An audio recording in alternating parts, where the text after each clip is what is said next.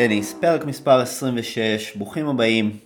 אנחנו נמצאים בסיומה של אליפות ארצות הברית 2021, אה, טורניר הגרנד סלאם האחרון של שנת 2021, וטורניר הגרנד סלאם, אני חושב, הטוב והמרגש והמסעיר ביותר שהיה לנו, אני חושב, מאז אה, אוסטרליה 2017, הסלאם ההוא. אמ, אה, ולא לא רק שהיה לנו טורניר נפלא, אז אני חושב גם שזכינו בסוף שבוע של גמרים מהסרטים. שני גמרים שאומנם הסתיימו אה, ב straight sets, אבל אה, היו מסעירים כל אחד בפני עצמו, ואנחנו נדבר על כל אחד מהם בהרחבה. אה, ולפני שנצלול, אני רוצה קודם כל להגיד שלום לנמרוד, שנמצא איתי כרגיל על הקו. שלום נמרוד. שלום, ארז השובב, מה שלומך? כמה ישנת הלילה? אה, מעט מאוד, מעט מאוד. אז, אז נתחיל, אז ובכן, אז דניל מדוודב ואמה רדוקנו הן אלופי ארצות הברית לשנת 2021. אנחנו נתחיל קודם כל לדבר על הגברים, אחרי זה אנחנו נעבור לנשים. אז דניל מדוודב ניצח את נובק, נובק ג'וקוביץ' בגמר 6-4, 6-4, 6-4. אמ, והמשחק הזה היה באמת הכל חוץ ממה שהתוצאה מספרת, אה, שבסוף היא מראה תוצאה די חד צדדית, אבל היא לא מספרת את לא מעט הדרמה שהייתה פה. אה, ואת זה שבעצם עד לרגע האחרון לא באמת היה אף אחד שהיה בטוח ש... שהמשחק באמת נמצא בכיס של מדוודב. אתה מסכים איתי, נמרוד? לא, לא ממש. אני יודע שיש לך איזה עניין ש... שלא מספידים שחקן לפני שנגמר, ואחרת זה איזה חוסר כבוד קוסמי ופוגע לו ב... לא יודע מה, אבל המשחק אתמול היה מאוד straightforward. עכשיו, ברור שג'וקוביץ', כן, תמיד יכול לחזור, ותמיד זה, ו... ובטח שאחרי מערכה לא הספדנו אותו, ואחרי שתי מערכות, אבל באיזשהו שלב, אה, ב double break במערכה השלישית, כבר היה די ברור לאן המשחק הזה הולך. אני חושב שזה אולי אחד הדברים הכי מפתיעים במשחק אתמול, כלומר יכולנו אה, כל מיני תחזיות לתת וכל מיני, אה, אה, אתה יודע, תרחישים שונים שהמשחק הזה יכול להתפתח בהם. אני לא חושב שמישהו העלה בדעתו שהמשחק הזה יתפתח אה, בצורה שהוא התפתח, שמדוודב פשוט שלט בו לחלוטין, מתחילתו ועד סופו, בלי שום גמגום ומצמוץ, חוץ מהמשחקון הזה שהוא הגיש פה למשחק בחמש-שתיים, אבל... אה, קשה להאשים אותו על זה. בעצם, אה, כלומר, אתה יודע, פשוט, בוא נגיד, לא, זה לא שלא היה ספק לרגע מי ינצח, כי ברור שהיה ספק לאורך רוב הדרך, כי זה נובק ג'וקוביץ', כן? אבל uh, מדוודב בכל משחקון שעבר במשחק הזה, כרסם עוד ועוד ועוד ועוד במחשבה הזאת שג'וקוביץ' הולך לנצח. Uh, ו, ובעצם המומנטום שלו לא עצר לרגע, הוא לא, אה, הוא פשוט דרס באופן, כן. חתך, חתך כן. בבשר החי לאורך כל המשחק. אה, וזה היה, זאת הייתה תצוגת טניס די מדהימה מדניל מדוודב, המשחק הטוב בקריירה שלו.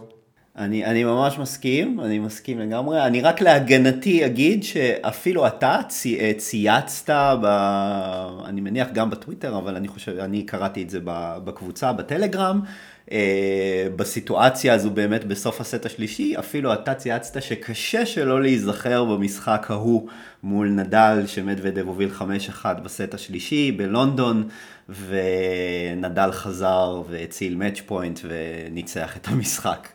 אז, אה, אז אני חושב שכן היה שם איזשהו ספק, אבל, אבל כן, אני בהחלט מסכים עם הרוח הכללית של, ה, של הדברים. מדוודב שלט במשחק מתחילתו ועד סופו, וזה היה...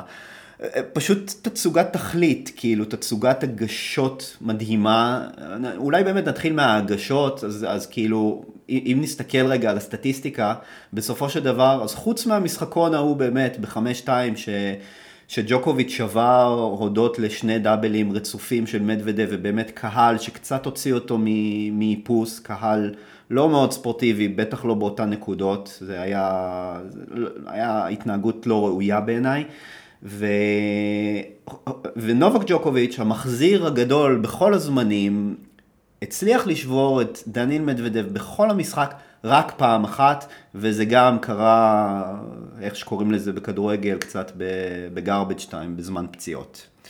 כן, צריך להגיד, אגב, סתם אה, אחוזי ההגשה הראשונה של מדוודב היו די נמוכים. נמוכים. נכון. 58 כן. אחוזים הגשות ראשונות בפנים. כמובן הוא הגיש הגשות שניות אה, מאוד מאוד חזקות ומהירות, זה היה קצת ברוח, אה, אני חושב, מה שקיריוס ואחר כך זוורב הכניסו לענף, את ה... את הלקיחת סיכונים המאוד רצינית הזאת אה, בהגשות שניות, אלא שבניגוד למקרה של זוורב, שזה נעשה מאיזה חוסר ביטחון כזה, במקרה של מדוודב זה היה לגמרי טקטיקה, זה היה לגמרי מכוון, הוא רצה להוציא את ג'וקוביץ' משיווי משקל, להעביר לו איזשהו מסר שהוא הבוס פה, וג'וקוביץ' לא הולך ליהנות אה, אפילו לא מהגשה שנייה דרדה לאחת, לא משנה מה, והוא נשאר נאמן לטקטיקה, מאוד קל, אה, אתה יודע, להישאר נאמן לטקטיקה שלך כשאתה בתחילת המערכה הראשונה, או באמצע המערכה השנייה, אבל מדוודב נשאר נאמן לה גם uh, ברגעים המכריעים, בגלל זה הוא גם הכה שגיאות כפולות בשתיים מתוך שלוש נקודות האליפות שלו. כן, um, כן. וזה ראוי להערצה. הוא היכה תשע, תשע שגיאות כפולות סך הכל בכל המשחק, זה באמת כאילו היה... הדאונסייד של ה... תשע בכל המשחק וחמש מתוכן יותר מ-50 אחוז במערכה השלישית. נכון, נכון, כן. ואני חושב שלפחות שלוש או ארבע בשני הגיימים האחרונים, הדרמטיים, נכון? אה, שלוש לפחות. אה, כן, שניים. כן. אוקיי. אז, אה, אז כן, אבל אני חושב שחוץ מזה באמת הסיפור היה פה גם... זה שמדוודב בעצם אה, אילץ את ג'וקוביץ' לשחק אחרת מאיך שג'וקוביץ' רצה לשחק, שזה משהו שאנחנו מאוד אה, לא רגילים לראות, כלומר ג'וקוביץ', אה, אנחנו, הוא, הוא, הוא באמת שחקן ש... ש, שהצליח אה, למקסם ולהביא לשלמות את השליטה שלו בכל רזי הענף, כלומר הטכניקה של ג'וקוביץ' היא כל כך מושלמת וה...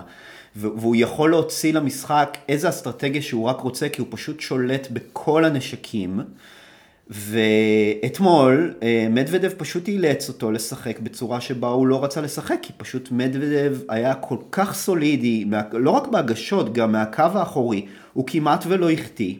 הוא אילץ את ג'וקוביץ' להחטיא, הוא אילץ את ג'וקוביץ' לשחק בנקודות מסוימות במשחק כאילו ג'וקוביץ' היה מקנרו בווימבלדון, הוא פשוט עשה סרבנט וולי פעם אחרי פעם, וזה היה משהו שאני הסתכלתי עליו כאילו בעיניים פעורות, זה היה, זה היה מדהים פשוט לראות איך לג'וקוביץ' אין תשובות, והוא סוג של חסר אונים מול מה שמדוודב עשה לו, ואני חושב שמה שהיה הכי מדהים בכל הסיפור הזה, זה שהרמה של מדוודב לא נפלה, כאילו אנחנו ראינו את הסט הראשון, ראינו את הסט השני, אמרנו לעצמנו, באיזשהו שלב זה ייפסק, לא יכול להיות שהבן אדם לא יחטיא ככה בראלים של 20-30 חבטות, לא יחטיא, לא, ופשוט לא יחטיא מול ג'וקוביץ', מול השחקן ההגנתי הכי טוב בכל הזמנים, וזה, הוא פשוט הצליח לשמור על אותה רמה מהנקודה הראשונה במשחק ועד לנקודה האחרונה במשחק.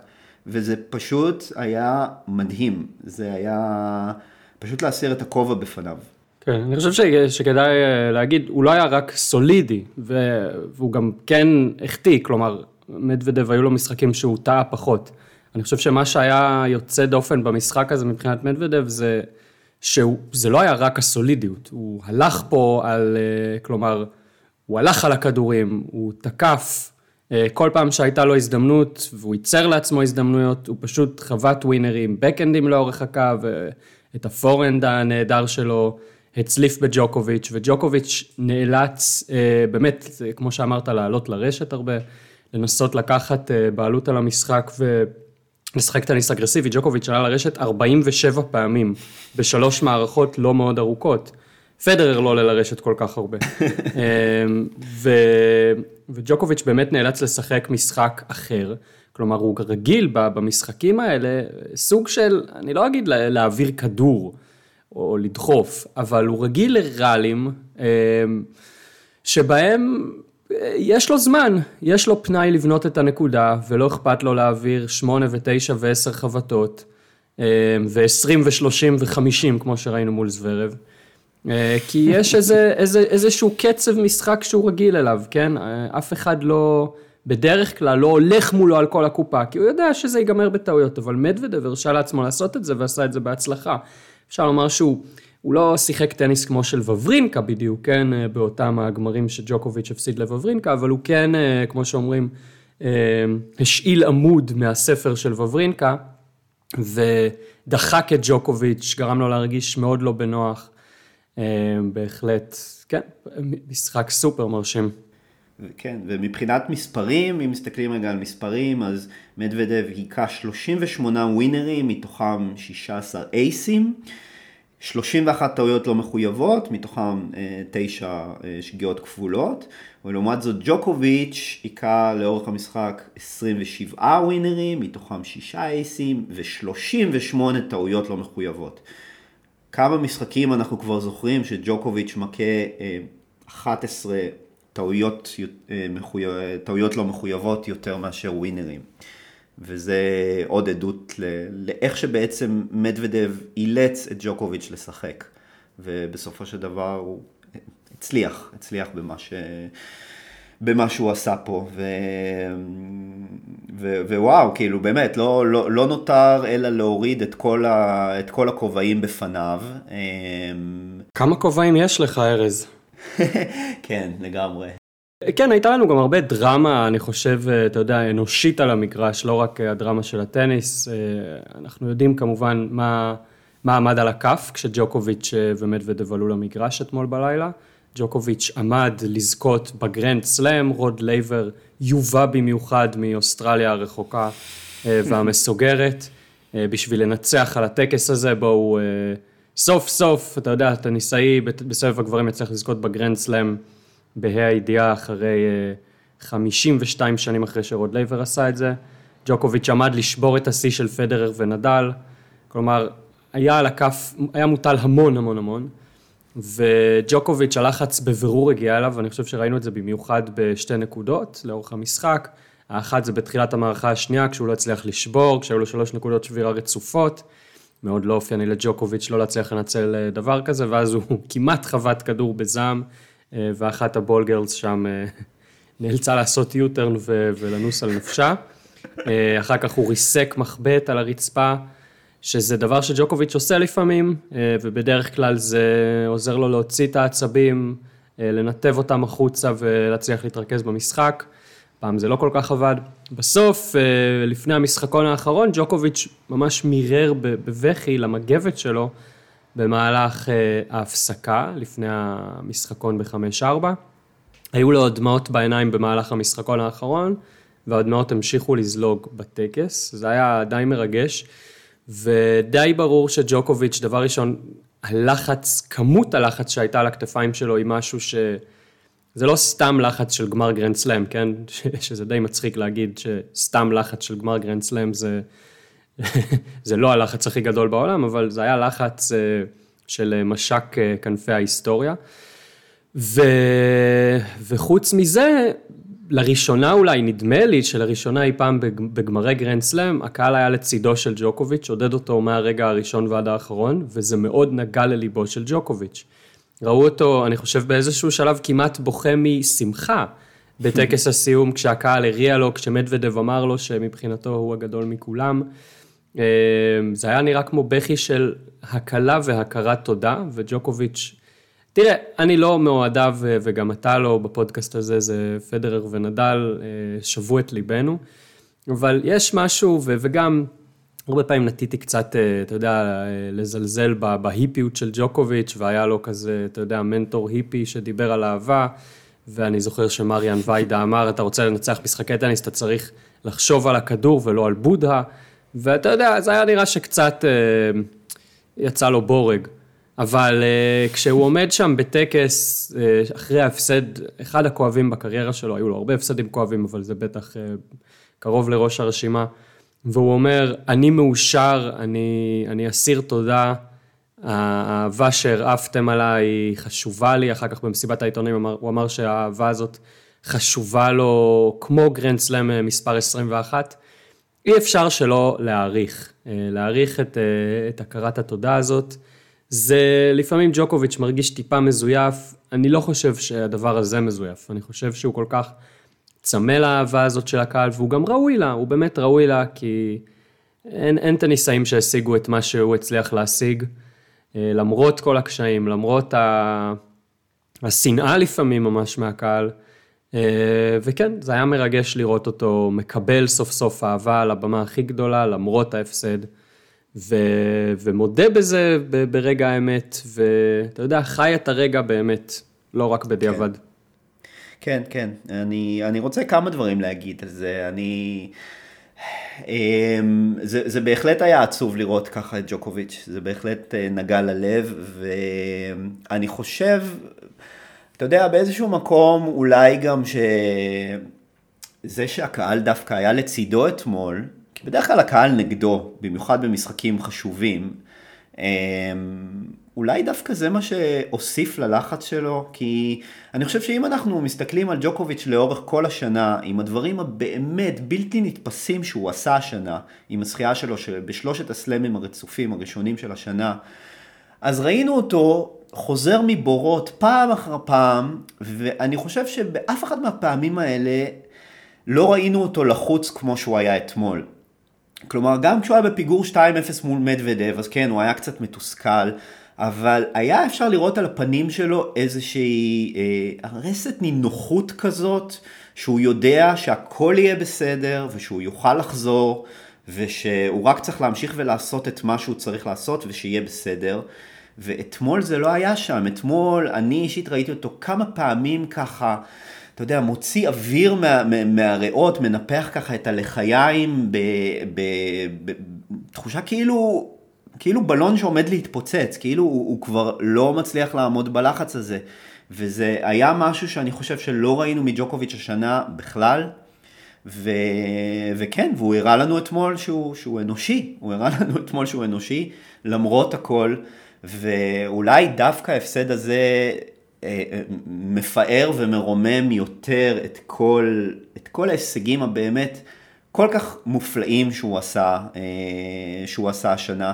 שאת זה אי אפשר לקחת ממנו, ואני חושב שגם ההפסד הזה אתמול לא, לא מפחית במאומה את כל מה שהוא עשה, את כל מה שהוא עשה השנה, ובכלל בקריירה, ואני חושב שהוא ראוי לכל, לכל התשבחות ולכל המילים המרוממות והמפארות שאנחנו רק יכולים להעלות על דעתנו, ובעיניי זה רק מעצים עוד יותר את ההישג של מדוודב, שהוא הצליח, אה, שהוא הצליח בסופו של דבר כן לנצח את ג'וקוביץ', ו... אמ, וכן, וזה, וזה היה עצוב לראות אותו ככה בסוף, וזה גם היה באיזשהו מקום אה, מוזר קצת לראות אותו דווקא ככה מתפרק, דווקא אחרי שהיה איזשהו, היה איז, הייתה איזושהי תחושה של קאמבק באוויר, שפתאום כל הקהל דוחף אותו, ופתאום הוא הצליח לשבור בפעם הראשונה במשחק, ופתאום שם, דווקא בחמש ארבע, פתאום הוא הליט את ראשו תחת המגבת, ו, ו, ו, ו, ופשוט התחיל לבכות. כן, זה היה רגע, זה היה רגע אותנטי, כי הדברים כן. באמת קרו, אתה יודע, באותו רגע, זה לא משהו שאתה מתכנן, זה לא... ג'וקוביץ' גם אמר בטקס, אני דמיינתי בראש את שתי הסיטואציות, דמיינתי מה אני אגיד אם אני אפסיד, דמיינתי מה אני אגיד אם אני אנצח. הוא בטח לא, יצ... לא, לא יכול היה לדמיין את הרגע הזה ב-5-4, כשכל הקהל מנסה לדחוף אותו בכל הכוח, כי הקהל היה לגמרי לגמרי פרו ג'וקוביץ', דבר שהוא כשלעצמו אה, סופר אה, יוצא דופן. חסר תקדים. כן. כן, ממש, ו- והוא לא יכול היה לצפות את הרגע הזה. כל הלחץ, באמת, תדמיין, הבן אדם זכה בווימבלדון, מתי הסתיים ווימבלדון? בתחילת יולי, עברו חודשיים מאז. הייתה אולימפיאדה. כמה לחץ בחודשיים האלה, חודשיים שלמים, הבן אדם יודע מה, מה מוטל על הכף, מה הוא אמור לעשות, כן, במרכאות, באליפות הברית. הוא אמור להכתיר את עצמו לטניסאי הגדול בכל הזמנים. הדבר הזה שהוא עובד בשבילו כל החיים, מאז תחילת 2011 כשהוא התחיל להאפיל על אה, פדרר ונדל אה, ולזכות ביותר תארי גרנד סלאם, הוא עובד, עבד עבור הרגע הזה ממש עשר שנים, אתה יודע, בטורים גבוהים, כל הקשיים שהוא עבר, כל הניצחונות, כל הדברים האלה, והנה, הוא כולה צריך לזכות בעוד טורניר אחד. היום זה היה כולה, אתמול זה היה כולה בעוד משחק אחד, וזהו. כן, והוא הגיע. והוא יגיע למנוחה והנחלה. ו, וזה לחץ הרי בלתי נתפס, אנחנו ראינו את אותו הדבר קורה אולי קצת יותר בקיצוניות עם סרינה וויליאמס לפני אה, שש שנים, כשהיא עמדה לזכות בגרנדסלאם מול יריבה הרבה הרבה יותר צנועה מדניל מדוודב, כן, רוברטה וינצ'י, שהיא גם לא, לא שיחקה טניס שקרוב בכלל לטניס שמדוודב שיחק אתמול, והיא התפרקה שם, ואפשר להגיד הרבה דברים על סרינה, אבל חלשה מנטלית, במאני טיים היא לא, בטח לא אה, לפני ההיריון והלידה וכל זה. אה, והיא התמוטטה שם לחלוטין אה, תחת הלחץ. ג'וקוביץ' לא התמוטט לחלוטין, הייתי אומר, אבל, אבל באמת היה אפשר לראות מה זה אומר לחץ, ועם כל הסופרלטיבים וכל ה... אתה יודע, שהוא לא אנושי וזה, והוא פורח תחת הלחץ, ואנחנו לוקחים כמובן מאליו שאתה יודע, הדברים כתובים מראש. ושיש פה איזה על אדם שרק תנו לו לחץ, הוא אוכל את זה לארוחת בוקר, בסוף uh, הבכי הזה באמת הראה מה, מה עובר על, על, אפילו על בן אדם כמו ג'וקוביץ' בסיר הלחץ הזה. לגמרי. אתה, אתה יודע, נמרוד, אנחנו כ, כבני אדם, יש לנו נטייה גם לקחת דברים כמובן מאליו. כאילו, זה שג'וקוביץ' הגיע לגמר, זה כאילו אנחנו לקחנו את זה כ-for granted, כאילו... זה כבר חקוק בסלע, ועצם זה שהוא בכלל הגיע לגמר, ותראה איזה דרך חתחתים הוא היה צריך לעבור בשביל להגיע לגמר הזה. קודם כל, עם כל ההפסדים של המערכות בסיבובים המוקדמים, נגד יריבים שבאמת נחותים ממנו, והחל משלב רבע הגמר שהוא פגש ב... בשני שחקני top 10, ב... ב... ברטיני ובזוורב. במשחק אחד הוא היה צריך ארבע מערכות, משחק שני הוא היה צריך חמש מערכות, בשניהם הוא חזר מפיגור מערכה. ואנחנו כאילו לוקחים את זה כמובן מאליו, ויש כל כך הרבה על הכתפיים שלו, ועצם זה שהוא הגיע לגמר, ועוד אחרי שלוש זכיות בשלושת הסלאמים הראשונים של השנה, זה כשלעצמו הישג כל כך גדול. כן, ג'וקוביץ' כבר הגיע ל-30 אה, גמרים של גרנד סלאם, חוץ מהגמר הזה, כלומר זה היה 31. אז, אז כן, אז כאילו, אז אפשר לחשוב באמת ש, שהגעה, ש, שהגעה של ג'וקוביץ' לגמר סלאם היא אירוע לא מרגש בפני עצמו, אבל עצם זה שעם כל הלחץ הוא אפילו הצליח להגיע לפה, הגיע ממש עד לבאר והיה כל כך קרוב לשתות ממנה, כבר זה, זה הישג כל כך גדול, ואנחנו כאילו, בגלל שהוא כל כך, באמת, בגלל שההישגים שלו הם כל כך אדירים, אנחנו סוג של לוקחים את זה כמובן מאליו, ולא באמת רואים את, ה, את ההישג האדיר שיש פה. ואולי שווה כאילו להתעכב על זה קצת וכאילו ולתת כן, לזה באמת. להעריך, להעריך, כן, הוא כאילו נכשל, אבל אה, טורניר שהוא הצלחה במידה רבה, נכון? כן. נכון. אה, אני, אגיד מבחינתי לפחות, דבר אחרון על המשחק, על מדוודב, כי דיברנו המון על ג'וקוביץ', דיברנו על איך שמדוודב שיחק, אבל אולי לא כל כך על מה המשמעות של זה למדוודב עצמו. אה, מדוודב, טניסאי שלפני כמה שנים אף אחד לא, לא ספר אותו, אני חושב, בתור מי שדווקא הוא זה שיאיים על, על ההגמוניה של נדל וג'וקוביץ' ופדרר, זה היה נראה הזוי לחשוב דבר כזה. אה, הוא היה אחד משלושה רוסים שעלו בסבב, נכון, עם רובלב וחדשנוב, אה, ששניהם פרצו לפניו ושניהם נראו יותר מרשימים ממנו, והיו טניסאים בסבב שהיו נראים לנו הרבה יותר מאיימים. אה, בטווח הרחוק, אם זה טים, שהוא קצת יותר מבוגר, אם זה זוורב, אה, ומדוודב עם הטניס הגמלוני והמוזר שלו והאופי הלא ברור שלו, טניסאי שזרק מטבעות על אה, שופט בווימבלדון במחאה על זה שהוא מושחת וכל מיני דברים כאלה. אה, טניסאי שסימן אה, אצבע משולשת לקהל באליפות ארה"ב לפני שנתיים, שרב עם שופטים, שזה היה, זה נראה, אתה יודע, אנחנו רגילים כל כך לסופר מקצוענות, ל... לרהיטות, לחיבור העמוק עם הקהל, לשיווק העצמי הזה של, אה, של פדר, נדל ג'וקוביץ' וגם מארי, ואפילו וברינקה במידה מסוימת. ופתאום בא לנו העוף המוזר הזה, שהוא נראה שהוא קרוץ מחומר אחר לחלוטין, ואני רוצה, רוצה להתייחס, אולי זה תופס ככה in a nutshell, כן, את המהות של מדוודב, החגיגה שלו אחרי המשחק, כן, שהוא הת, התהלך לו שם אה, בנונשלנטיות, ואז פתאום קפץ, נשכב על הצד, הוציא לשון ו, אה, וחגג בעצם כמו גופה. גופה של בלי דג. קפיצה, בלי קפיצה כן. אפילו. בלי, כן, פשוט אה, זה, ואחר כך הוא בטקס אה, חלוקת הגביעים, הוא הסביר שרק אגדות יבינו את זה, וזה... וזה, איך זה? L2 פלוס לפט, כן? ש, שזו בעצם, אה, זה משהו מפיפא, אני לא, לא שיחקתי פיפא בחיים שלי, כן? אני אתמול ניסיתי לדלות את המידע הזה מהקבוצת uh, טלגרם, ובסוף באמת uh, ענו לי, כן, זה משהו מפלייסטיישן, פיפא, לא יודע בדיוק מה.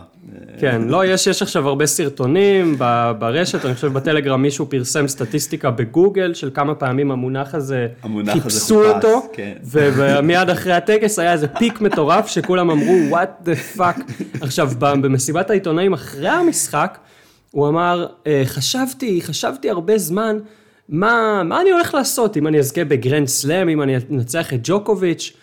והוא אמר, אני לא, אני, אני, אני לא יכול כאילו, אתה יודע, אה, לא לחגוג שוב, כי אני תמיד עושה את זה, זה משעמם. אז אמרתי, נעשה משהו שאתה יודע, שרק אנשים שמביני עניין אה, יגידו, אני מאוד אוהב לשחק פיפא בפלייסטיישן, ואם אתה ככה מכסח את היריב שלך בפלייסטיישן, אז זה נהוג שאתה עושה את החגיגה המוזרה הזאת, אה, וכל מי שמבין עניין ומשחק פיפא מבין את זה.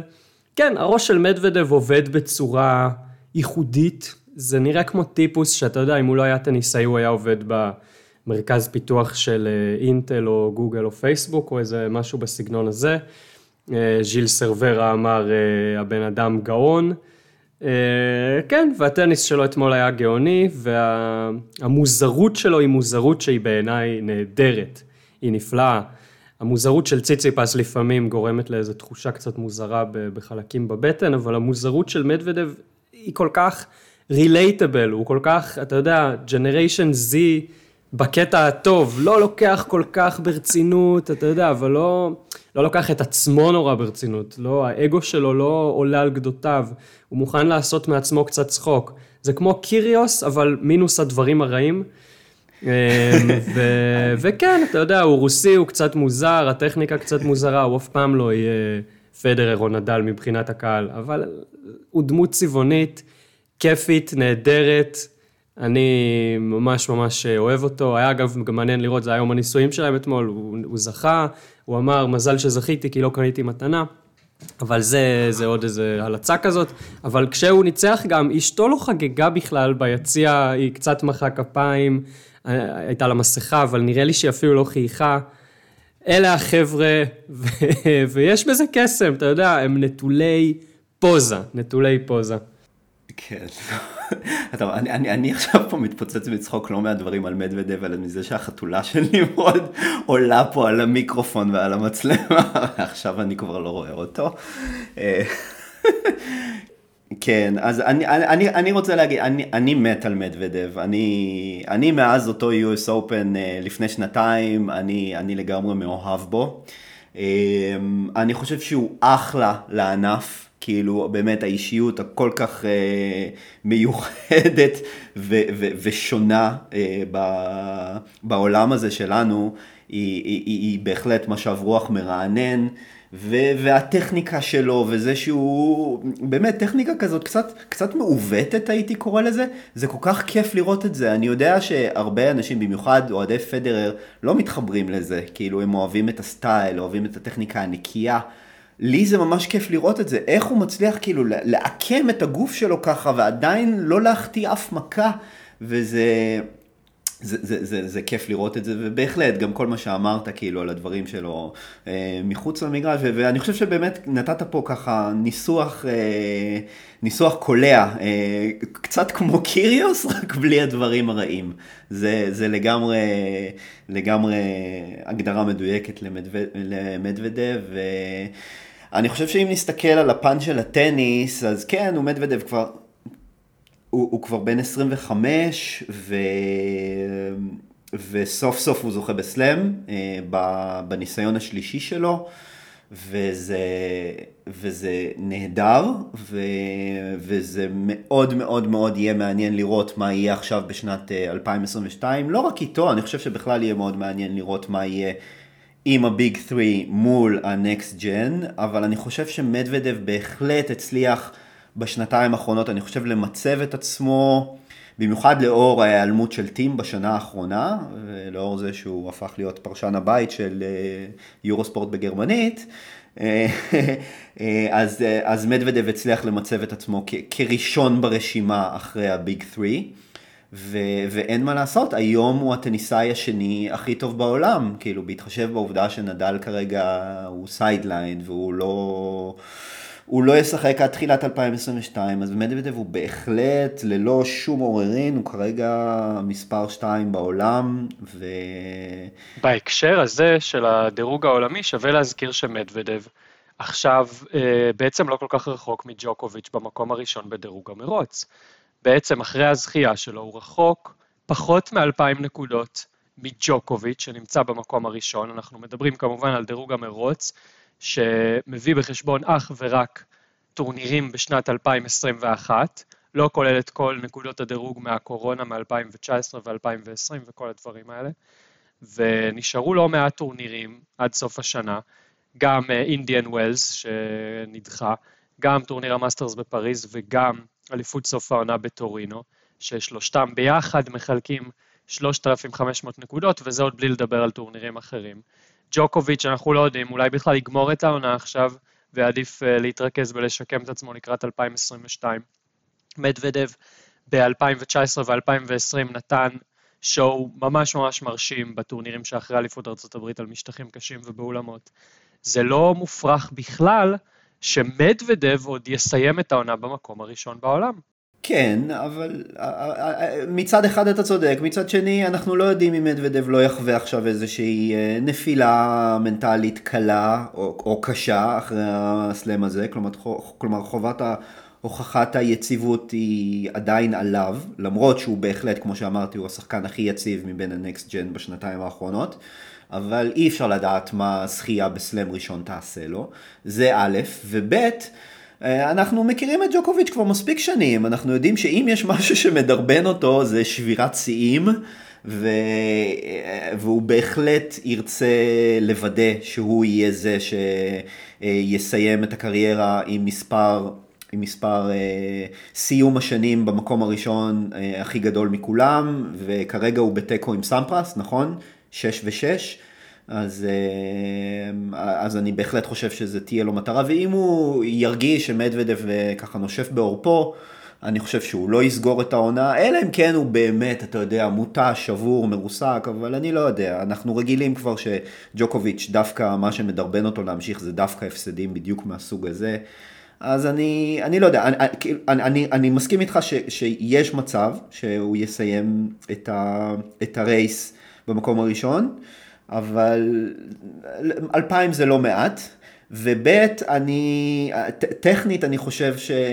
תראה, שנה שעברה אני חושב שבסופו של דבר זה לא נקבע רק לפי הרייס של 2020, אלא גם לפי נקודות שהיו ב-2019. אני כבר לא כל כך... כלומר, זה לא, זה לא שינה בשום צורה, כי בכל מקרה לג'וקוביץ' היו... כן, כאמור, אה, ב-2020 בכלל לא נכנסנו לסוגיה הזאת, ואני נכון. לא חושב שיש איזה קריטריון מאוד ברור ל... אה, מי זה הטניסאי שמסיים את העונה במקום הראשון, כי בדרך כלל הרי הדירוג העולמי המצטבר ודירוג המרוץ אה, בעצם נהיים אותו דירוג בסוף השנה, וב-2020 ובגלל כל הקורונה זה לא ככה, אז אה, נחיה ונראה, I guess. כן, טוב, אז לנובק ג'וקוביץ' עדיין יש פחות תארי US Open מאשר לרפאל נדל. מה, מה יש לך להגיד על הנקודה הזו? מה יש להגיד על הנקודה הזאת? אני לא יודע, אה, באמת, ג'וקוביץ' הרי הגיע להרבה גמרים באליפות ארצות הברית, איכשהו הרקורד שלו בהם לא, לא כל כך טוב. אה, ובין אליפות אוסטרליה ואליפות ארצות הברית כמובן אין הבדלים תאומיים, שני גרנדסלמים של משטחים כן, קשים. כן.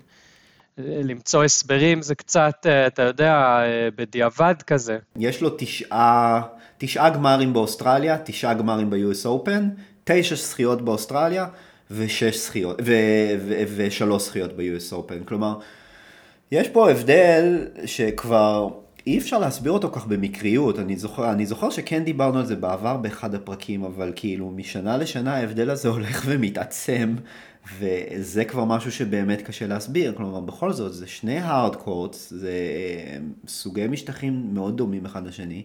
באחד, הוא הפסיד שישה גמרים וניצח רק שלושה, רק, כן, במרכאות כמובן, ובאחד הוא ניצח את כל תשעת הגמרים שהוא הגיע אליו. זה... צריך, צריך לתת פה איזשהו הסבר. תראה, דבר ראשון, כן, תמיד אפשר להסביר דברים במקריות, בכל זאת המדגם שלנו פה זה לא מיליון, זה, זה תשעה גמרים. כל ההסברים שאני אתן הם באמת קצת, אתה יודע, בדיעבדים כאלה, כמו שאמרתי, כי אתה יודע, תשעה גמרים פה ותשעה גמרים פה. אפשר להגיד אולי שג'וקוביץ' בתחילת הקריירה ספג כמה הפסדים כואבים באליפות ארה"ב, טראומטיים אולי, לא יודע, מול פדרר. אמ, אחר כך מול נדל ב-2010, ושוב נדל ב-2013, אולי זה נהיה איזה קוף על הגב. המהירות של המשטחים באמת לא, לא נראית כמו איזה הסבר משכנע, כי המהירות של, של, של המשטחים בשני הטורנירים מאוד השתנתה לאורך השנים, אליפות אוסטרליה הייתה איטית, נהייתה מהירה, ארה"ב גם נעה ממהירה לאיטית למהירה. יש את הסיפור של ה... לא יודע, הלחות בארצות הברית, זה שזה סוף השנה ועייפים, אבל באמת הכל מרגיש כמו אה, מין, אה, לא יודע, ניסיונות אה, להסביר משהו שתכלס אנחנו לא, לא ממש יודעים להסביר אותו. כן. בכל מקרה, ארז, אה, נמשיך הלאה? אה... אולי, אולי לפני שבאמת נמשיך, אולי באמת נגיד כמה מילים על מה, מה צפוי לנו בעונת הסלמים הבאה. מה, מה, מה לדעתך בעצם אנחנו צפויים לראות? כלומר, זה מאוד קשה להתנבא כרגע, במיוחד שיש עוד... אה, אה, בקירוב ארבעה חודשים עד לסלאם הבא, אמ, אבל אה, עדיין, מה, מה, אנחנו נראה את פדרר ונדל חוזרים, אנחנו נראה את ג'וקוביץ' ממשיך אה, לשלוט בסלאמים, ובפרט באוסטרליה, בסלאם הראשון של השנה, סלאם שהוא כל כך אוהב. אנחנו נראה את מדוודב, הנקסט ג'ן, יזכו ביותר מסלם אחד, מה, מה, מה צפוי לנו שנה הבאה? אני חושב שזה משהו שהרבה אנשים חושבים עליו היום, לאור מה שקרה אתמול. אני זוכר, זה, זה מחזיר אותי אחורה לשנה שהתחלתי לעקוב ככה אחרי הסבב באדיקות ב-2001, לפני 20 שנה, ואני זוכר שהסתיימה אליפות ארה"ב, והבנתי, עוד לא הייתי לגמרי באוריינטציה על כל מה שקורה, והבנתי ש, שהעונה ממשיכה לכל מיני טורנירים באירופה ובאסיה, ואמרתי, what the fuck, כאילו, לא, לא הסתיימה העונה. אבל בכל מקרה, חשוב לא להזניח את הטורנירים שנשארו עד סוף העונה, הם יכולים ללמד אותנו לא מעט על מה שצפוי ב-2022. בכל מקרה, לגבי החבר'ה המרכזיים, תשמע, פדרר בעיניי גמור, זה, זה כבר לא רלוונטי, גם דיברנו על זה אחרי, בפרק אחרי ווימבלדון. נדל וג'וקוביץ' בסימני שאלה מאוד גדולים, ג'וקוביץ' נראה על פניו עדיין, אתה יודע, לא נראה שהוא הולך לפרוש. אה, הוא אמר בסוף 2019 שהוא נותן עוד שנתיים לניסיון שלו לעקוף את פדר ונדל, והנה תמו השנתיים האלה, והוא כל כך קרוב, כלומר על 20 תארים, לא, לא נראה שהוא פשוט הולך להיעלם. ובאשר לנדל, אתה יודע, קשה מאוד לדעת, אה, ז, זאת פציעה חדשה בכף הרגל, אנחנו לא ממש יודעים איך הוא, איך הוא הולך אה, אה, להתאושש ממנה. אה, הוא כבר לא יהיה כמובן זה, גם צעיר זה... בשנה הבאה. כן. בכף, בכף הרגל זה חדש, כן, אבל בעיות כרוניות, בדיוק כמו, כמו שציינת, זה לא חדש. כלומר, נדל כבר סיים את, ה, את עונת 2018 על קביים, בדיוק כמו שהוא מסיים את עונת 2021 על קביים, ואנחנו זוכרים איך התחילה עונת 2019 שלו, הוא דרס את כל, כל מה שזז חוץ מאיזה אחד שבסוף, באוסטרליה. ש, שבסוף אה, ניצח אותו בגמר בצורה מאוד חד צדדית, אבל לפני זה כאילו משום מקום הוא פתאום הגיע לגמר, דורס את כולם, ואת עונת 2018 הוא סיים על קביים, אנשים כבר הספיקו לשכוח את זה, אבל אה, הוא סיים אותה עם ניתוח בברך, ו... אה, אבל כן, הפציעה הזאת היא יותר מטרידה באמת, כי זה משהו חדש, זה משהו שאנחנו לא כל כך רגילים אליו, אז באמת קשה לדעת למה לצפות, וגם ההשבתה פה היא קצת יותר ארוכה. כלומר, פעם אחרונה שנדל עבר השבתה כל כך ארוכה הייתה ב-2012 בעצם, אמ, אבל גם ממנה בעצם הוא יצא כמו גדול, הוא חזר ב-2013 וזאת הייתה... אחת העונות, אם לא הכי טובה בקריירה שלו. ו... אז כן, אנחנו, מצד שני, אנחנו לא ב-2013 ואנחנו לא ב-2019, כלומר, הפזם דופק, מה שנקרא, ונדל כבר בן 35, ובאמצע העונה הוא כבר יהיה בן 36. אז כן, סימני שאלה מרחפים. כן, נגיד אה, רק על הפציעה של נדל, שזו כן פציעה כרונית, כלומר שמלווה אותו מתחילת הקריירה, הדוד דוני ורפה סיפרו שב-2003 נדמה לי זה היה, או באזור הזה, 2004, שרופאים אמרו לו שהוא לא יוכל אולי לשחק טניס מקצועני בכלל, ואיכשהו הפציעה הזאת קצת נשארה בצל, כן, היו לו לאורך הקריירה הרבה פעמים טנדונטס בברכיים, כמו שאמרת, ניתוח וכל הדברים האלה, ואיכשהו דווקא הפציעה הזאת עכשיו, הישנה נושנה חזרה, וראינו את נדל מתקשה איתה על המשטחים הקשים, אנחנו כמובן אין לנו מושג איך, הוא, איך הגוף שלו יגיב בשנה הבאה. יש איזשהו, לא יודע, איזושהי אמונה בכוח העליון שהוא נדל, שלכל הפחות על חיימר, הוא כן יצליח להתחרות במיטבו. אנחנו גם יודעים שחיימר קצת יותר סלחן אה, לגוף של, של השחקנים, של נדל בפרט, למפרקים, לברכיים, אה, לקרסוליים, אולי גם לכפות הרגליים. ככה שלפחות באליפות צרפת אנחנו כאילו מצפים לראות את נדל מתחרה על התואר, אה, וביתר העונה זה, זה קצת סימן שאלה. אבל באמת חוץ מנדל ו... ו... אה, וג'וקוביץ', העונה ראינו עונות שיא לכמה וכמה שחקנים מהדור הבא, לא רק מדוודב, שזכה שוב בתואר מאסטרס בקיץ פרץ עם הזכייה באליפות ארה"ב, ולמעשה שיפר את התוצאות שלו בכל ארבעת טורנירי הגרנד סלאם השנה, אה, רשם תוצאת שיא בכל הארבעה. אה, יש גם את טים שיחזור לפעולה, יש גם את אה, ציציפס, נזכיר שניצח את נדל באליפות אוסטרליה, והמחצית השנייה שלו שנה, של העונה הייתה גרועה, אבל במחצית הראשונה הוא גם זכה במונטה קרלו, גמר אליפות צרפת. זוורב. זוורב, זוורב עם עונת השיא כן. שלו, שהפיל אה, אה, אה, רחוק ב... ב כל טורניר הגרנד סלאם, או כמעט בכולם, זכה במדליית זהב אולימפית, ניצח את ג'וקוביץ'. אה, אלקרז אולי, אני לא יודע אם אני מפליג פה, אבל בהחלט הרבה מאוד שחקנים ש, שפשוט בגרף כן. שיפור מתמיד, ואולי מדוודב הוא זה שפרץ את, אה, באמת את תקרת הזכוכית, ותהיה פה איזו נקודת מפנה. כן, אני חושב שזו העונה, אני חושב באמת בפעם הראשונה, כאילו אנחנו תמיד מדברים, ה next gen מתדפק, ה next gen מתדפק, אני חושב שבאמת 2022 היא הראשונה שאפשר לסמן אותה כעונה עם הכי הרבה חוסר ודאות לגבי מה יהיה בה. ואני חושב שזה באמת פעם ראשונה שבאמת אפשר לבוא ולהגיד את זה, וואלה, אולי הפעם... ה... ה big big 3 הם כבר לא, הם עדיין אולי פייבוריטים, אבל זה כבר לא בכיס שלהם כמו שזה היה אה, עד עכשיו. לא, אוקיי, אולי להגיד בכיס זה קצת הקצנה, אבל אני חושב שהעונה 2022 היא העונה באמת הכי פתוחה, לפחות כרגע, ממה שזה נראה, מכל מה שהיה לנו עד עכשיו. ו... וכן, אז יש למה לצפות. כן, אז אה, טוב, אז אה, אני חושב שנמשיך הלאה. היה לנו, היה לנו אה, בסופה של זה, היה לנו גמר מרתק לא פחות, בדמות המפגש של לילה פרננדז ואמה רדוקנו. אמה רדוקנו ניצחה את המשחק 6-4-6-3 וזכתה, היא הפכה לזוכה הראשונה אי פעם, גברים או נשים, שעושה זאת על ידי הגעה מהמוקדמות. היא ניצחה עשרה משחקים בטורניר הזה, לא השמיטה ולו גם הערכה אחת. כלומר, ניצחה עשרים מערכות, הפסידה אפס. אה, לא הגיעה אפילו לטייברק, כלומר, הכי, הכי הרבה משחקונים שהיא הפסידה בכל אחת מ-20 המערכות האלה היה חמש. כן, וואו, יש, יש עוד המון uh, מה, מה להגיד על, ה, על כל מה שקרה פה, רדוקנו דבר ראשון אוחזת עכשיו בהמון הישגים די, אה, די ייחודיים, כמו שאמרת, היחידה שזכתה בתואר גרנד סלאם אחרי שהעפילה מהמוקדמות, ולא רק זה, הראשונה גם שהעפילה לגמר בהיסטוריה, גבר, אישה, לא משנה, 20 מערכות ברצף. אה, זאת הניסאית שבסך הכל זה הטורניר הרביעי שלה ברמת הסבב בקריירה. אה, היא מעולם לא ניצחה במשחק, בסבב ה-WTA, אני כמובן לא מדבר על הגרנד סלמים, אה, ניצחה משחקים רק בווימבלדון ובאליפות הברית. לא ניצחה עדיין משחק ברמת הסבב במערכה שלישית, נדמה לי שהיא לא, לא שיחקה בכלל אה, אה, משחק שהגיע למערכה שלישית.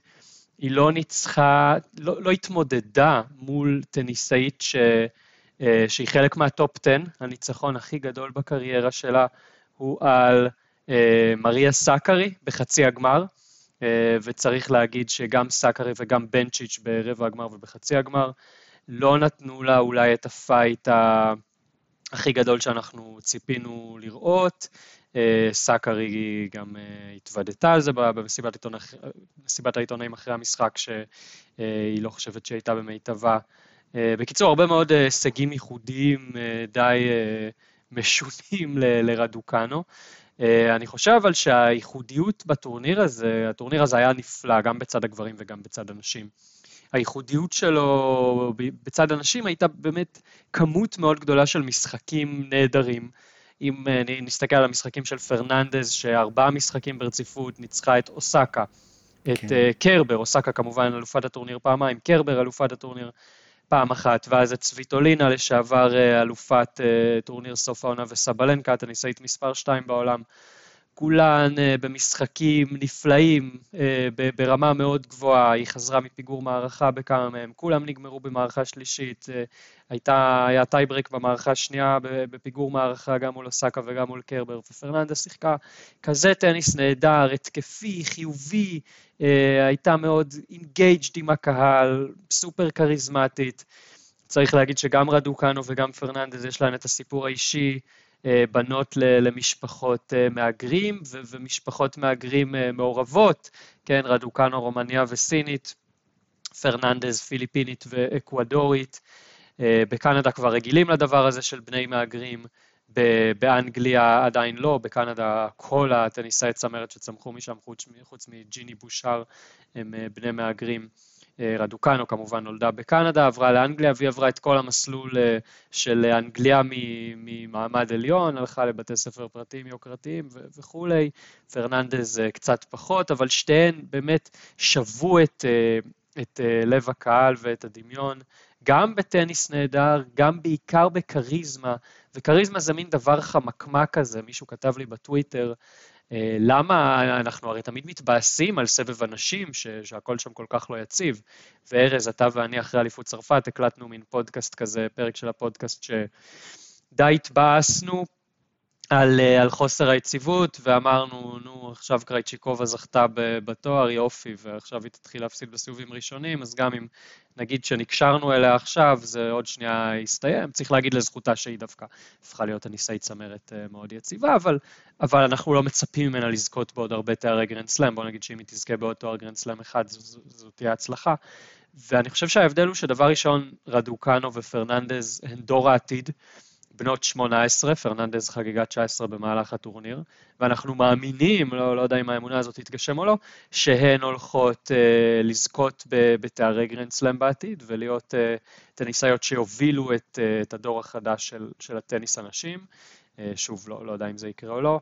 הן סופר כריזמטיות, יש להן את, ה, את הסיפורים האישיים המעניינים, ואם אני משווה לאליפות צרפת, ש... קרייצ'יקובה ופבליוצ'נקובה הגיעו לגמר, ההבדלים ברורים, ו- ואתה יודע, זה קצת לא נעים להגיד את הדברים האלה, כי מה, במה חטאו קרייצ'יקובה ופבליוצ'נקובה שהן, שהן לא כריזמטיות, שיש להן כריזמה של דרדסבא, ש- שהן לא נורא מעניינות. זו לא אשמתן, הן טניסאיות נפלאות שהגיעו לגמר בזכות, לא, לא גנבו שום דבר, ואיכשהו הגמר שלהן היו יציאים אה, ריקים גם אה, ביחס להגבלות הקורונה, אנחנו יודעים שהיו המון כרטיסים למכירה, ופרננדס ורדוקנו פתחו מהדורות חדשות, לא חדשות ספורט, אלא מהדורות חדשות בכל העולם. באנגליה, אתה יודע, המלכה בירכה את, אה, את רדוקנו, זה דבר שלא קורה כל יום.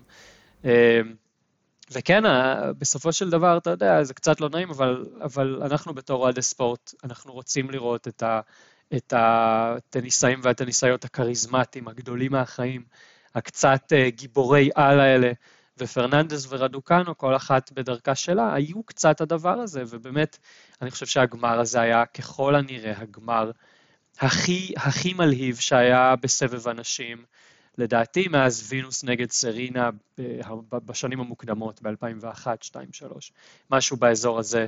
אני, אני לא זוכר שהיה הייפ כזה, ו, ו, ובאמת כשזוכרים שהטניסאיות האלה הגיעו ממש משום מקום, שרדוקנו, אתה יודע, שפרננדז זכתה בתואר זניח במונטרי בתחילת העונה, אבל דורגה מה, 60 ומשהו, 70 בתחילת הטורניר, ורדוקנו שלא ניצחה משחק WTA עדיין בקריירה שלה. והיא, והיא הגיעה, אני חושב, אני חושב, אני חושב שגם חשוב לציין, היא הגיעה אחרי... אה... אחרי כל מה שקרה בווימבלדון, אז מי שהספיק לשכוח, בווימבלדון היא הגיעה באמת משום מקום, כלומר אף אחד לא שמע עליה, והיא הגיעה לשמינית הגמר, שזה היה הייפ מאוד גדול, וכולם דיברו על זה, במיוחד כי היא בריטית בווימבלדון. אבל אה, חשוב גם לזכור איך, אה, איך היא סיימה את דרכה בווימבלדון, היא הפסידה שם לטומיאנוביץ' את הסט הראשון ו, ופרשה בתחילת הסט השני ו, והותח בה הרבה רפש אחרי, ה, אחרי הפרישה הזאת. ו, ולילדה בת 18 זה לא קל להתמודד עם, עם, עם, עם המדיה של היום, עם המדיה המאוד אה, אה, נשכנית ו, ו, ו, ועוקצנית ש, שיש לנו היום ו, ו, וביקורתית. ולא חסכו ממנה ביקורת, לא חסכו ממנה ביקורת, והנה היא באה לפה באמת מתחת לרדאר, נכנסה למוקדמות, ופשוט ניצחה אחת אחת את כולן בלי להפסיד מערכה. והיא באמת עושה את זה עם טניס מרהיב, כלומר, היא משחקת טניס התקפי, טניס ש...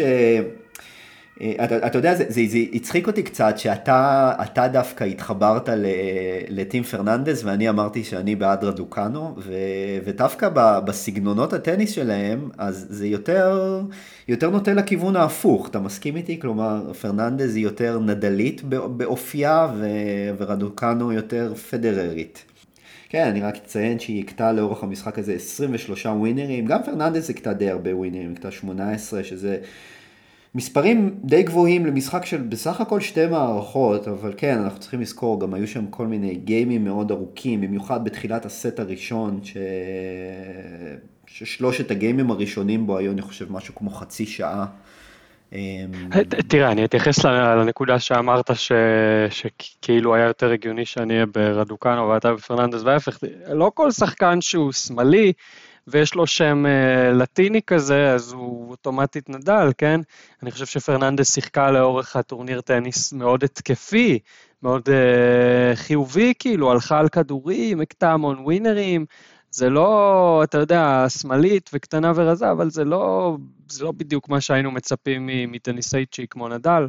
לא, אבל גם יותר נוחמנית. היא יותר עובדת קשה בשביל להגיע למה שהיא מגיעה, הנה גם כל השלוש מערכות, וצריכה, אתה יודע, ממש לירוק דם כל נקודה, ו... לא יודע. כן, תראה, אני מבין מה אתה אומר, אה, לוחמנית, אבל אה, אני אגיד לך מה, מה משך אותי לפרננדז, מה גרם לי להידלק עליה ככה. דבר ראשון, המשחקים שלה היו פשוט מדהימים במהלך כל הטורניר, היא ניצחה, כבר אמרנו. ארבע טניסאיות, אה, שלוש טניסאיות בעצם מהטופ 10 בדרך לגמר, פלוס קרבר, האחרונה שעשתה את זה, אה, שלוש טניסאיות אה, בטופ 10 בדרך לגמר זאת סרינה וויליאמס ב-99, בטורניר ההוא שהיה האחרון עם שתי טינאייג'ריות בגמר. היא הייתה כל הזמן על המגרש, כמו שאמרתי, סופר חיובית, עם ה fist pumps שלה. אמ, עם החיבור עם הקהל, שיחקה טניס נורא נורא חיובי, המשיכה להאמין בעצמה, גם בפיגור, גם ברגעים הצמודים, בקלאץ', הלכה על ווינרים לאורך הקו, הדרופ שוטים, טניס באמת סופר מגוון, שאתה לא מצפה ממנו מבחורה בגודל של פרננדז, הצנום יחסית. אמ, טניס הגנתי נהדר, אבל בעיקר אני, אני מאוד נהניתי מהטניס ההתקפי. ופשוט היה הרבה הרבה מאוד זמן מגרש להתחבר אליה, להתחבר לפייטריות, אה, לראות אותה ברגעים המכריעים, הבאמת צמודים האלה. ועם רדוקנו, ש, שהיא טניסאית מוכשרת ומדהימה, ו, ועם טניס אה, באמת, אה, סופר מרשים. אה, זה היה, היא לא איבדה מערכה לאורך כל הטורניר, היא לא, היא לא שיחקה מול טניסאיות בשיעור הקומה שפרננדס שיחקה מולן. למעשה המבחן הכי קשה שלה במהלך הטורניר היה פרננדס בגמר. כלומר, כן. גם מול, אה, מול בנצ'יץ' היא נקלעה לאיזה פיגור מוקדם, אבל זה היה פיגור די, די אה, שולי, 3-0 או משהו כזה. אבל היה, לא היה אפשר, לא יודע, לראות אותה לעומק, זה היה נראה שהכל, לא יודע, בא לה יותר מדי בקלות, כאילו, אתה יודע, כאילו, חכי, נשמה, את עוד לא, לא התחלת, את כבר זוכה בגרנד סלאם אה, בלי להפסיד מערכה, זה, זה קל מדי. קצת כמו פדרר, לא? כן, אני, אני מבין, כאילו, אני מבין את ההשוואה לפדרר, שעם הטניס ההתקפי השוטף והכל כאילו בא בקלות, אבל, אבל התכוונתי לזה שרדוקנו, אתה יודע, בא משום מקום וכבר היא מככבת, פדרר זה לא היה ככה. פדרר זכה בגרנד סלאם ראשון בגיל צעיר אמנם, אבל לא כמו רדוקנו, בווימבלדון ב-2003, ובאמת זאת הייתה איזו תצוגה שוטפת ונאה, אבל לפני זה הוא עבר טירונות בסבב, אחרי הניצחון מול סמפרס, אני, אני עוד זקן מספיק כדי לזכור את ההפסד המפורסם שלו ללואיס הורנה באליפות צרפת, ואנשים אה, התחילו לתהות האם יש לו את המנטליות הנכונה כדי לזכות בתארי גרנד סלאם, הפסיד בסיבוב הראשון בווימבלדון, נדמה לי למריו אנצ'יץ' שנה לפני, אה, אכל הרבה חרא מיריבים בסבב, הפסיד שוב ושוב לנלבנדיאן ויואיט ואגסי, זו לא, זו לא אותה הסיטואציה, כן? רדוקנו היה מאוד קשה, היא לא, היא לא מצמצה לרגע, כמעט לא היה שום שלב במהלך הטורניר שאתה יודע, שהיה ספק לגבי האם היא הולכת לנצח ומה הולך לקרות שם, היריבות ממש ניגפו לפניה. אמ, הרגע הדרמטי אולי ביותר בריצה שלה, כמובן, המשחק מול פרננדז היה כנראה המבחן הכי גדול שלה לאורך הטורניר. ופרננדז, אה, כשהיא נקלעה שם לפיגור במערכה השנייה, היא פתחה באיזו מתקפת חיוכים וצחקוקים, כאילו נהנתה מהרגע, והדבר הזה הפסיק כשרדוקנו מרחה שם את הרגל על המגרש והתחילה לדמם, כן, ושנינו שופטים, מיד אה, הבהרנו בטלגרם ובכל הפורומים הרלוונטיים שהחוק מורה לעצור את המשחק במצב הזה, אי אפשר לשחק כששחקן מדמם על המגרש, פרננדז לא אהבה את זה, וזה, אתה יודע, זו הייתה אולי הפעם היחידה ש, שרדוקנו, אתה יודע, השאירה ממש משהו מעצמה על המגרש ב, ב, ברגעי קלאץ' כאלה. אמ, כן, אז בוא, בוא רק אה, באמת, אה, ככה הזכרת באמת את הדימום שם של רדוקנו, אז באמת בוא, בוא רק נזכיר איך המשחק הזה הסתיים, אז אה, הוא באמת הסתיים בדרמה, אז בעצם רדוקנו הובילה לחמש-שתיים, וההגשות היו של, אה, של פרננדז, ופרננדז הצליחה להציל שני match points ב game הזה, שני championship points ב game הזה.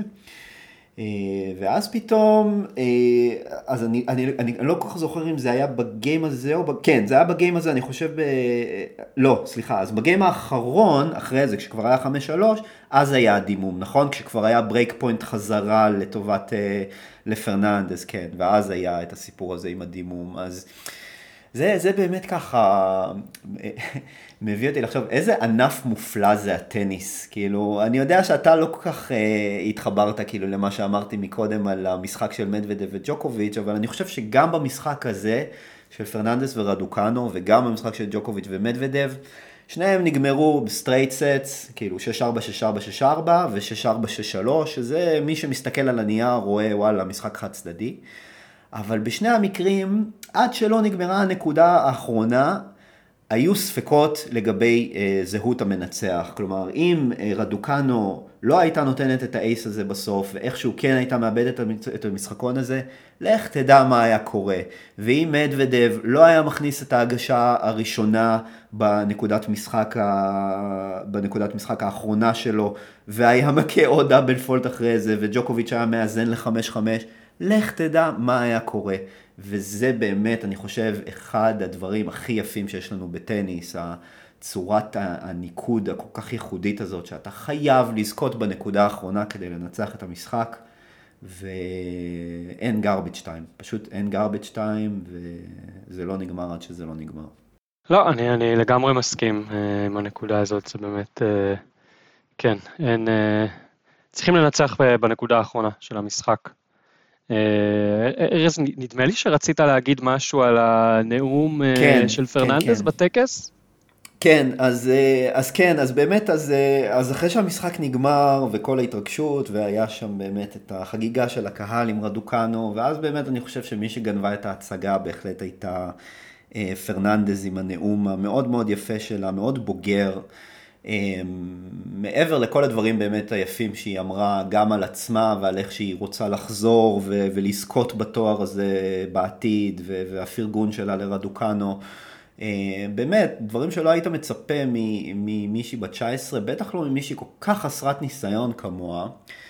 ואז הגיע, בעת, אה, ואז אחרי שכבר בעצם היא סיימה את הנאום, היא ביקשה חזרה את המיקרופון. ו- uh, say one more thing, ואני רוצה לצטט את מה, את מה שהיא אמרה, כי זה משהו שמאוד נגע לליבי ומאוד נגע, אני חושב, לליבם של המון המון המון אנשים. המשחק התקיים ביום של ה-anniversary של ה-9-11, 20 שנה ל-9-11, ואז היא אמרה ככה, I know on this day it was especially hard for New York and everyone in the US. I just wanted to say that I hope I can be as strong and, and resilient as New York has been in the past 20 years. עכשיו, איזה באמת, איזה, אני לא יודע אם התכוננה למשפט הזה לפני, שהיא פשוט שלפה את זה מהמותן, אבל באמת, איזה... אני פשוט שמעתי את המילים האלה והתרגשתי, ובאמת, היו, היו לי דמעות בעיניים, כי... אמ, בוא, בוא נשים קצת קונטקסט, אז פרננדס בת 19, כלומר היא, היא נולדה שנה אחרי ש, שאסון התאומים קרה, אחרי שכל אסון ה-9-11 קרה. אמ, אני כבר הייתי אדם בוגר, אני הייתי בצבא, הייתי בן 20 כשזה קרה, ו...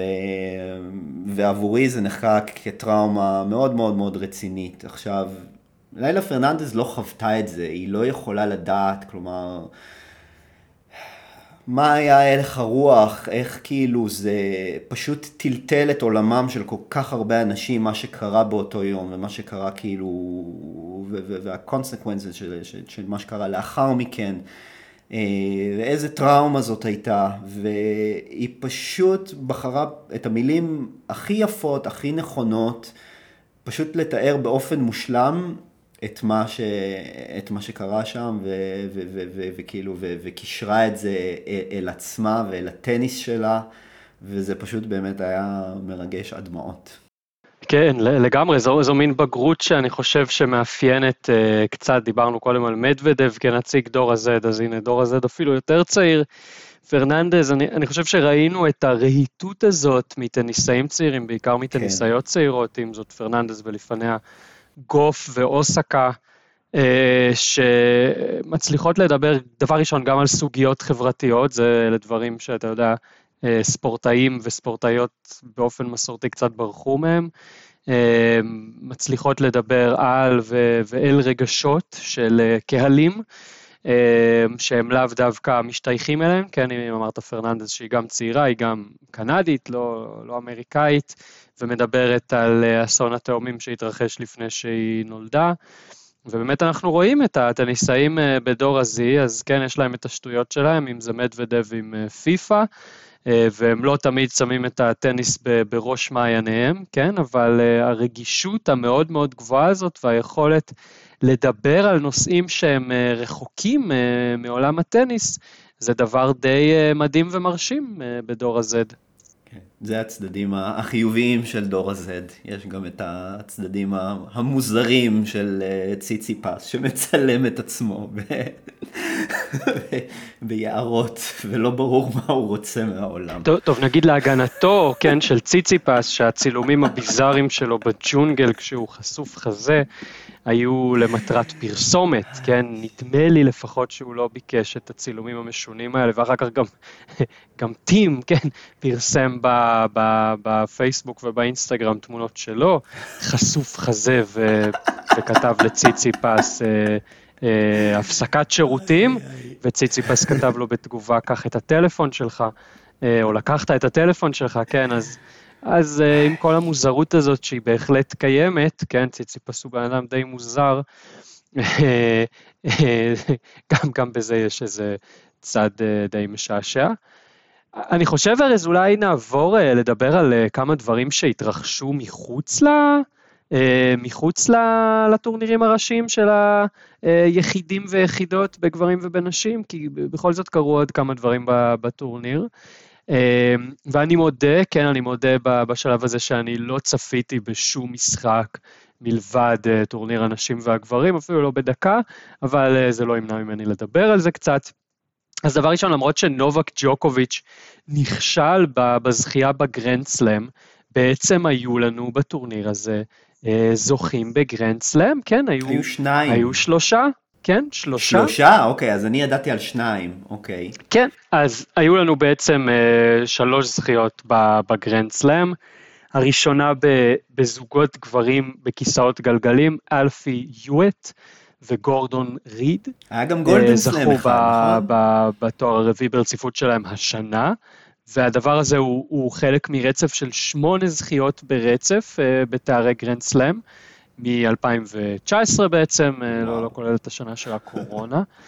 אה, ביחידות נשים בכיסאות גלגלים זכתה דידה דה חרוט, נדמה לי שאני הוגה את השם נכון, אה, ועבור דה חרוט זה הגרנד סלאם השני בקריירה שלה בעצם, היא כבר זכתה בגרנד סלאם בזוגות נשים בכיסאות גלגלים, יחד עם אניק ואן קוט ב-2019.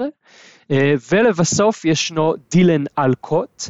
דילן אלקוט אה, משחק בקטגוריית ה quad, כן. שזו קטגוריית נכות יותר קשה, וגם עבורו זה בעצם גרנד סלאם שני בקריירה, גם הוא זכה בגרנד סלאם בזוגות ב-2019 עם אה, שלושה שותפים שונים, ונדמה לי ש...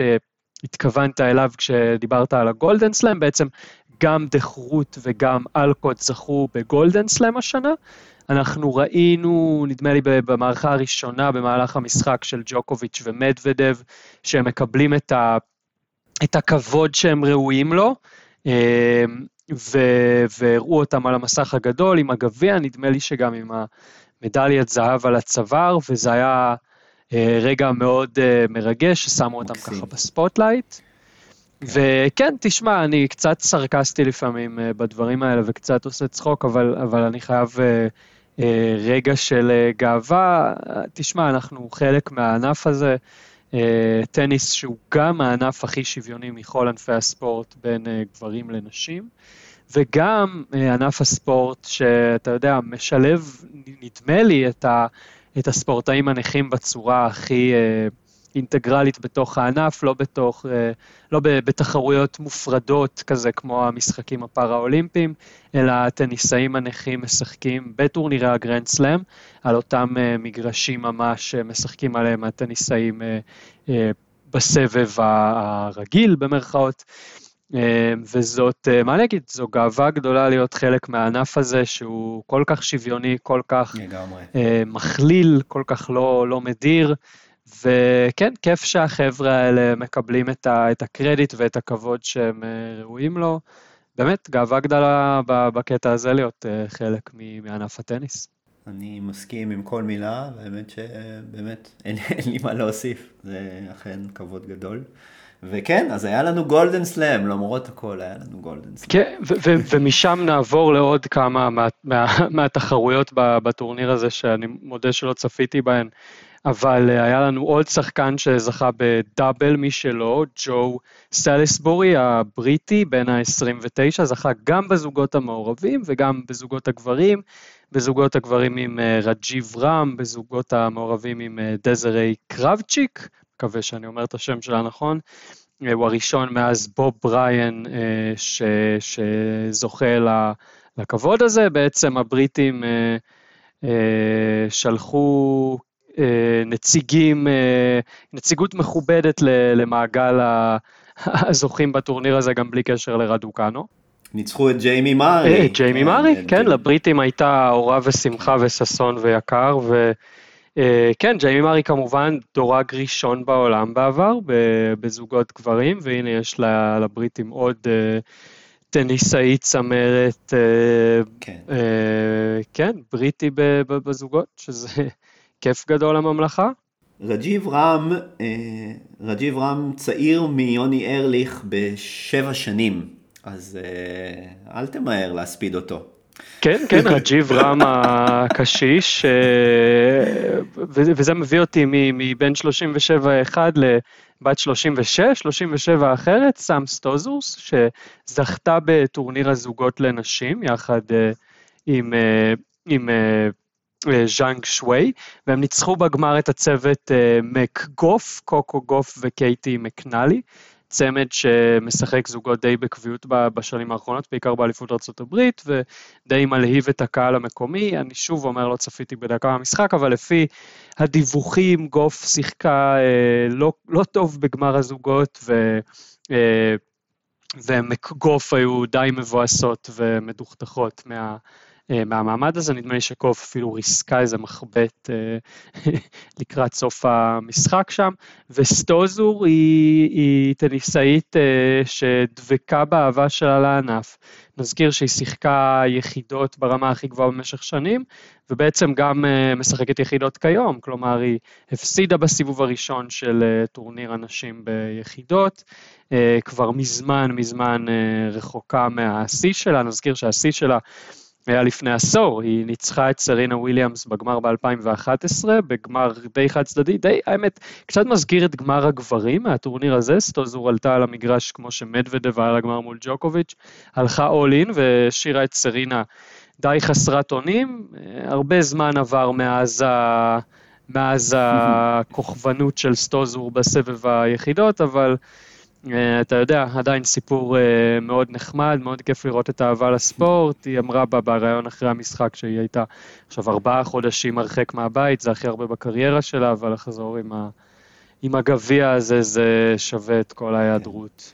אז, אז בעודך מדבר, אז בדקתי גם את רג'יב רם וגם את uh, סם סטוסו, ו, וגיליתי שהם... Uh, שהם נולדו בפער של בסך הכל 12 יום אחד מהשני, אז, אה, והם שניהם בני 37, אז אולי הם צריכים לחבור ביחד לטורניר המיקסט בסלאם הבא, מה אתה אומר?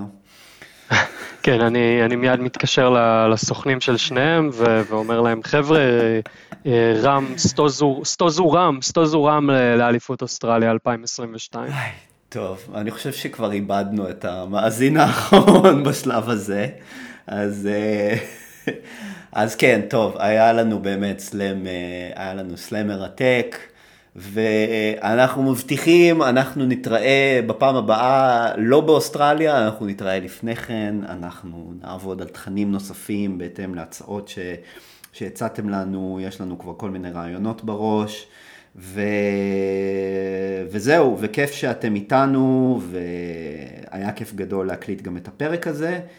אמ, אנחנו מקווים מאוד שתהנו, ובשמחות. תודה רבה, נמרוד. תודה רבה, ארז. היה באמת כיף, היה טורניר כיף, והסתיימה עוד אה, שנת אה, גרנד סלמים. חזק חזק ונתחזק. כן, גמר חתימה טובה לכולם. ביי, להתראות.